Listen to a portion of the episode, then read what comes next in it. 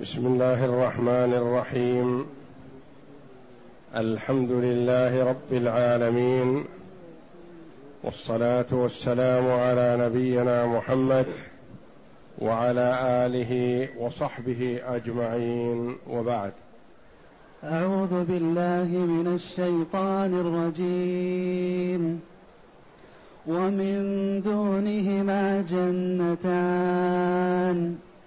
فبأي آلاء ربكما تكذبان؟ مدهامتان.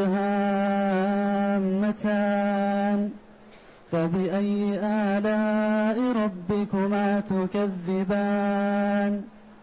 فيهما عينان نضاختان. فبأي آلاء ربكما تكذبان؟ فيهما فاكهة ونخل ورمان. فبأي آلاء ربكما تكذبان؟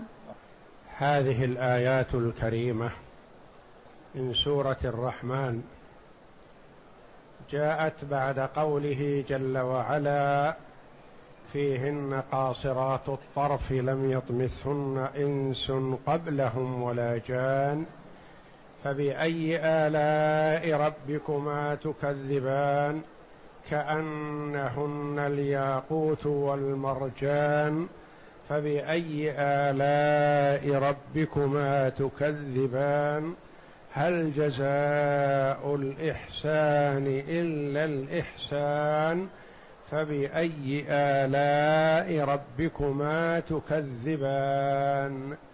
ومن دونهما جنتان. الآيات. ذكر الله جل وعلا أنه أعد لمن خاف مقام ربه جنتان. ثم وصفهما جل وعلا في قوله ذواتا أفنان. الآيات. ثم قال جل وعلا ومن دونهما جنتان فبأي آلاء ربكما تكذبان مدهامتان وصف جل وعلا الجنتين السابقتين ثم قال ومن دونهما جنتان ثم تابع وصفهما جل وعلا. فاختلف المفسرون رحمهم الله. هل معنى قوله تعالى ومن دونهما جنتان؟ هل هي دون الجنتين السابقتين في المنزلة والفضل؟ أم هي من دونهما يعني أقرب منهما إلى عرش الرحمن جل وعلا فتكون أفضل من الجنتين السابقتين. قال بالأول جماعة من العلماء وقال بالثاني جماعة آخرون من المفسرين. قالوا من دونهما يعني أقرب منهما وأعلى منهما وأدنى إلى عرش الرحمن جل وعلا. فتكون الجنتين فتكون الجنتان الأخريين أفضل من الجنتين السابقتين. أو من دونهما يعني أقل منهما درجة وأدنى فضل وأدنى منزلة فتكون دون. وورد في الحديث الصحيح جنتان من ذهب آنيتهما وما فيهما. وجنتان من فضة آنيتهما ومن فيهما. فتكون الجنتان الأوليان للسابقين والجنتان الأخريان لمن بعدهم أو العكس حسب هل هي هل الأخريان أفضل أم هي أقل؟ يقول رحمه الله أي ومن دون تين كالجنتين الموصوفتين بالصفات المتقدمة جنتان أخريان لمن دون أصحاب الجنتين السابقتين من أهل الجنة. ومعنى من دونهما أي من دونهما أي أمامهما وقبلهما أي هما أقرب منهما وأدنى إلى العرش. فهما أفضل من الأوليين. وإلى هذا ذهب الحكيم الترمذي رحمه الله في نوادر الأصول. وقيل من دونهما في الدرج. وقيل في الفضل وقيل الجنتان الأوليان جنة عدن وجنة النعيم والأخريان جنة الفردوس وجنة المأوى. وجنة الفردوس هي أعلى الجنان وأفضلها كما ورد في الحديث. قال ابن جريج هما أربع جنات جنتان منها للسابقين المقربين فيهما من كل فاكهة زوجان وعينان تجريان وجنتان لأصحاب اليمين فيهما فاكهة ونخل, ونخل ورمان وفيهما عينان نضاختان. قال ابن زيد إن الأوليين من ذهب للمقربين والأخريين من ورق يعني من فضة. لأصحاب اليمين. وأخرج ابن جرير وابن, وابن أبي حاتم وابن مردويه عن أبي موسى الأشعري رضي الله عنه عن النبي صلى الله عليه وسلم في الآية قال جنتان من ذهب للمقربين وجنتان من ورق لأصحاب اليمين. فبأي آلاء ربكما تكذبان؟ بأي هذه النعم تكذبان أيها الإنس والجن؟ اقرأ. يقول تعالى ومن دونهما جنتان هاتان الجنتان دون اللتين قبلهما في المرتبة والفضيلة والمنزلة بنص القرآن. هذا الذي جرى عليه ابن كثير رحمه الله على أن الجنتين الأخريين دون الجنتين الأوليين. نعم. قال الله تعالى ومن دونهما جنتان. وقد تقدم في الحديث جنتان من ذهب آنيتهما وما فيهما وجنتان من فضة آنيتهما وما فيهما. والذهب أغلى وأنفس من الفضة. نعم. فالأوليان للمقربين والأخريان لأصحاب اليمين. وقال أبو موسى جنتان من ذهب للمقربين وجنتان من فضة لأصحاب اليمين. وقال ابن عباس ومن دونهما جنتان من دونهما في الدرج. وقال ابن زيد من دونهما في الفضل. والدليل على شرف الأولين على الآخرين وجوه إحداهما أنه نعت الأولين قبل هاتين قبل هاتين والتقديم يدل على الاعتناء ثم قال ومن دونهما جنتان وهذا ظاهر في شرف التقدم وعلوه على الثاني وقال هناك ذواتا أفنان وهي الأغصان أو الفنون في الملاذ وقال هنا مدهامتان أي أي سوداوان من شدة الري. قال ابن وقوله جل وعلا مدهامتان أي سوداوان من شدة الخضرة من كثرة الري. لأن الخضرة إذا ارتوت زادت خضرتها وكلما زادت الخضرة قربت من السواد. ولهذا يقال سواد العراق. سواد العراق مثل قولنا ضواحي العراق أو بساتين ما حول العراق لأنها مرتوية بالنهرين نهر دجلة والفرات.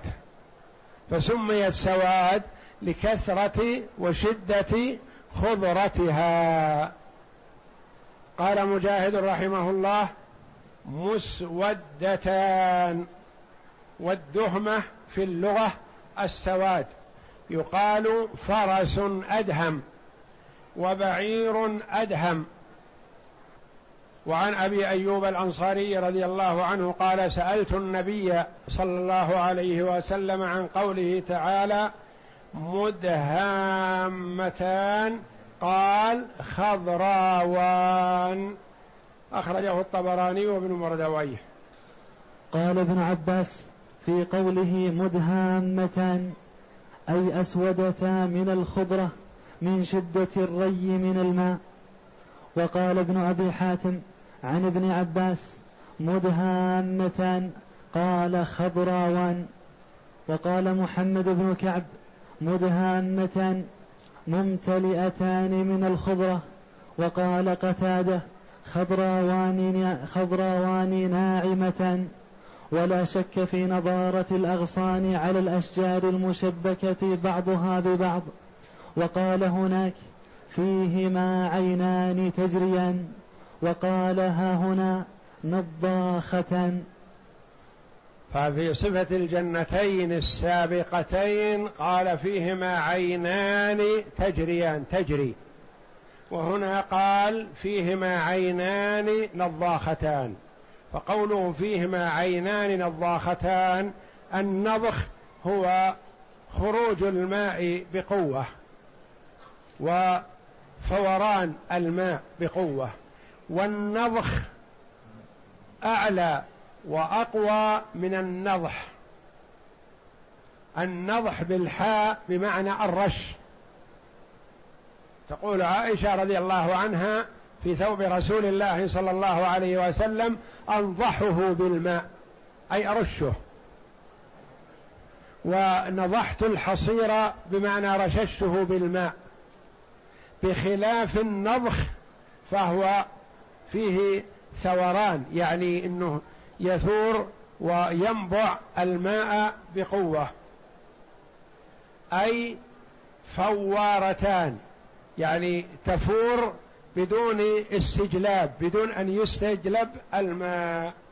وبماذا تفور هذه العينان؟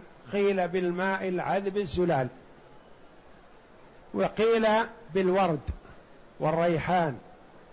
قال الحسن ومجاهد رحمهم الله تنضح على أولياء الله بالمسك والعنبر والكافور في دور أهل الجنة.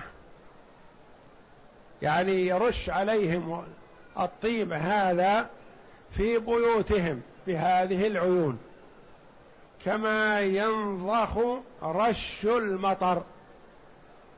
وقال سعيد بن جبير تنضخ بأنواع الفواكه والماء. قال ابن عباس رضي الله عنهما فائضتان تنضخان بالماء وقيل بالخير والبركة على أهل الجنة. وقال الضحاك نضاختان أي ممتلئتان لا تنقطعان. فبأي آلاء ربكما تكذبان كما سبق؟ أي بأي نعم نعم الله هذه تكذبان أيها الإنس والجن. فيهما أي في هاتين الجنتين فيهما فاكهة ونخل ورمان. فيهما فاكهة ونخل ورمان. الفاكهة ما يتفكه به والنخل والرمان أهي غير الفاكهة؟ أم خصصها بالذكر لأهميتها؟ ولأنها أفضل الفواكه. قال بعض المفسرين النخل والرمان لا يدخلان في الفاكهة. الفاكهة ما يتفكه به والنخل غذاء وقوت والرمان كذلك غذاء وقوت ودواء يتداوى به.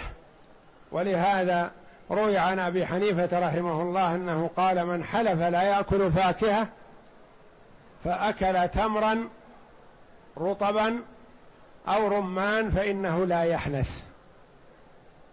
والجمهور جمهور العلماء على خلاف ذلك قالوا الرطب النخل والرمان نوع من أنواع الفاكهة لكن لأهميتها.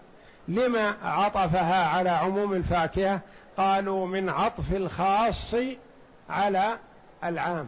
ومعنى عطف الخاص على العام مثل من كان عدوا لله وملائكته ورسله وجبريل وميكال. جبريل وميكال عليهم الصلاة والسلام أليسوا من ضمن الملائكة عليهم الصلاة والسلام؟ بلى. لا شك في هذا. لما قال من كان عدوا لله وملائكته ورسله وجبريل وميكال؟ قيل للتنويه بفضلهما. عطف الخاص على العام للتنويه بفضله. وكقوله جل وعلا حافظوا على الصلوات والصلاة الوسطى. الصلاة الوسطى للعلماء فيها أقوال أشهرها أن المراد بها صلاة العصر. وأليست صلاة العصر من ضمن الصلوات المأمور بالمحافظة عليها؟ بلى. لكن لما خصصها للأهمية. وهذا يسميه علماء اللغة من عطف الخاص على العام لزيادة الاهتمام بالخاص. فيهما فاكهة يعني من كل ما يتفكه به ونخل ورمان. قال بعض المفسرين خص النخل والرمان لأن النخل قوت. مع كونه فاكهة قوت. يعيش عليه الناس. والرمان فاكهة ويتداوى به. وقيل خص الفاكهة خص النخل والرمان لأنها أكثر ما في جزيرة العرب ما عند العرب. وامتن وذكر الله جل وعلا أن في الجنتين من هذه الأشياء الموجودة عندهم وهي أفضل منها بكثير. فأكثر ما عند العرب قالوا في ذلك الوقت هو النخل والرمان ولهذا يعتنون بها وبزراعتها وهي أكثر الموجود لديهم. لأن النخل فاكهة وطعام والرمان فاكهة ودواء. قال الخطيب كان عندهم يعني في العرب عند العرب في جزيرة العرب في ذلك الوقت بمنزلة البر عندنا. يعني كثيرا ما كانوا يقتاتون التمر الذي هو غالب قوتهم. كما قالت عائشة رضي الله عنها لابن الزبير إنا لنرى الهلال ثم نرى الهلال ثم نرى الهلال ثلاثة أهلة في شهرين وما أوقد في بيت رسول الله صلى الله عليه وسلم نار. قلت يا, يا أماه ما طعامكم؟ قالت الأسودان التمر والماء. فأكثر قوتهم هو التمر. فيهما من كل فاكهة زوجان. لا هذه تلك الأولى. جيب اللي قبلها. وقال ها هنا فيهما فاكهة ونخل ورمان. ولا شك أن الأولى أعم وأكثر في الأفراد والتنويع على فاكهة وهي نكرة في سياق الإثبات لا تعم ولهذا فسر قوله ونخل ورمان من باب عطف الخاص على العام كما قرره البخاري وغيره وإنما أفرد النخل والرمان بالذكر لشرفهما على غيرهما. قال عبد بن حميد عن عمر بن الخطاب قال جاء أناس من اليهود إلى رسول الله صلى الله عليه وسلم فقالوا يا محمد أفي الجنة فاكهة؟ قال نعم فيها فاكهة ونخل ورمان. قالوا أفيأكلون كما يأكلون في الدنيا؟ قال يعني نعم. هل يأكلون الفاكهة ويتلذذون بها في الجنة؟ مثل ما يأكلونها في الدنيا؟ قال نعم. قالوا إذا يحتاجون إلى الخلأ إلى قضاء الحاجة. اللي يأكل الفاكهة ويأكل الطعام في الدنيا يحتاج إلى آه، قضاء الحاجة. البول والغائط؟ هل في الجنة كذا؟ يسألون النبي صلى الله عليه وسلم سؤال تعنت ولا هم عندهم علم؟ لأنهم عندهم اليهود عندهم علم لم يعملوا به. قالوا أفيأكلون كما يأكلون في الدنيا؟ قال نعم وأضعاف نعم. يأكلون ويتلذذون ويجامعون وين... ويتلذذون بجميع أنواع الملاذ في الجنة. وأما ما يترتب على اللذة من مغبتها في الدنيا فهي معدومة في الآخرة. يعني لا بول ولا غائط وإنما عرق رشح كرشح المسك كريح المسك. قالوا فيقضون الحوائج. قال لا ولكنهم يعرقون. الخلا يعني مكان قضاء الحاجة. قال لا ولكنهم يعرقون ويرشحون. فيذهب الله ما في بطونهم من أذى. الحمد لله.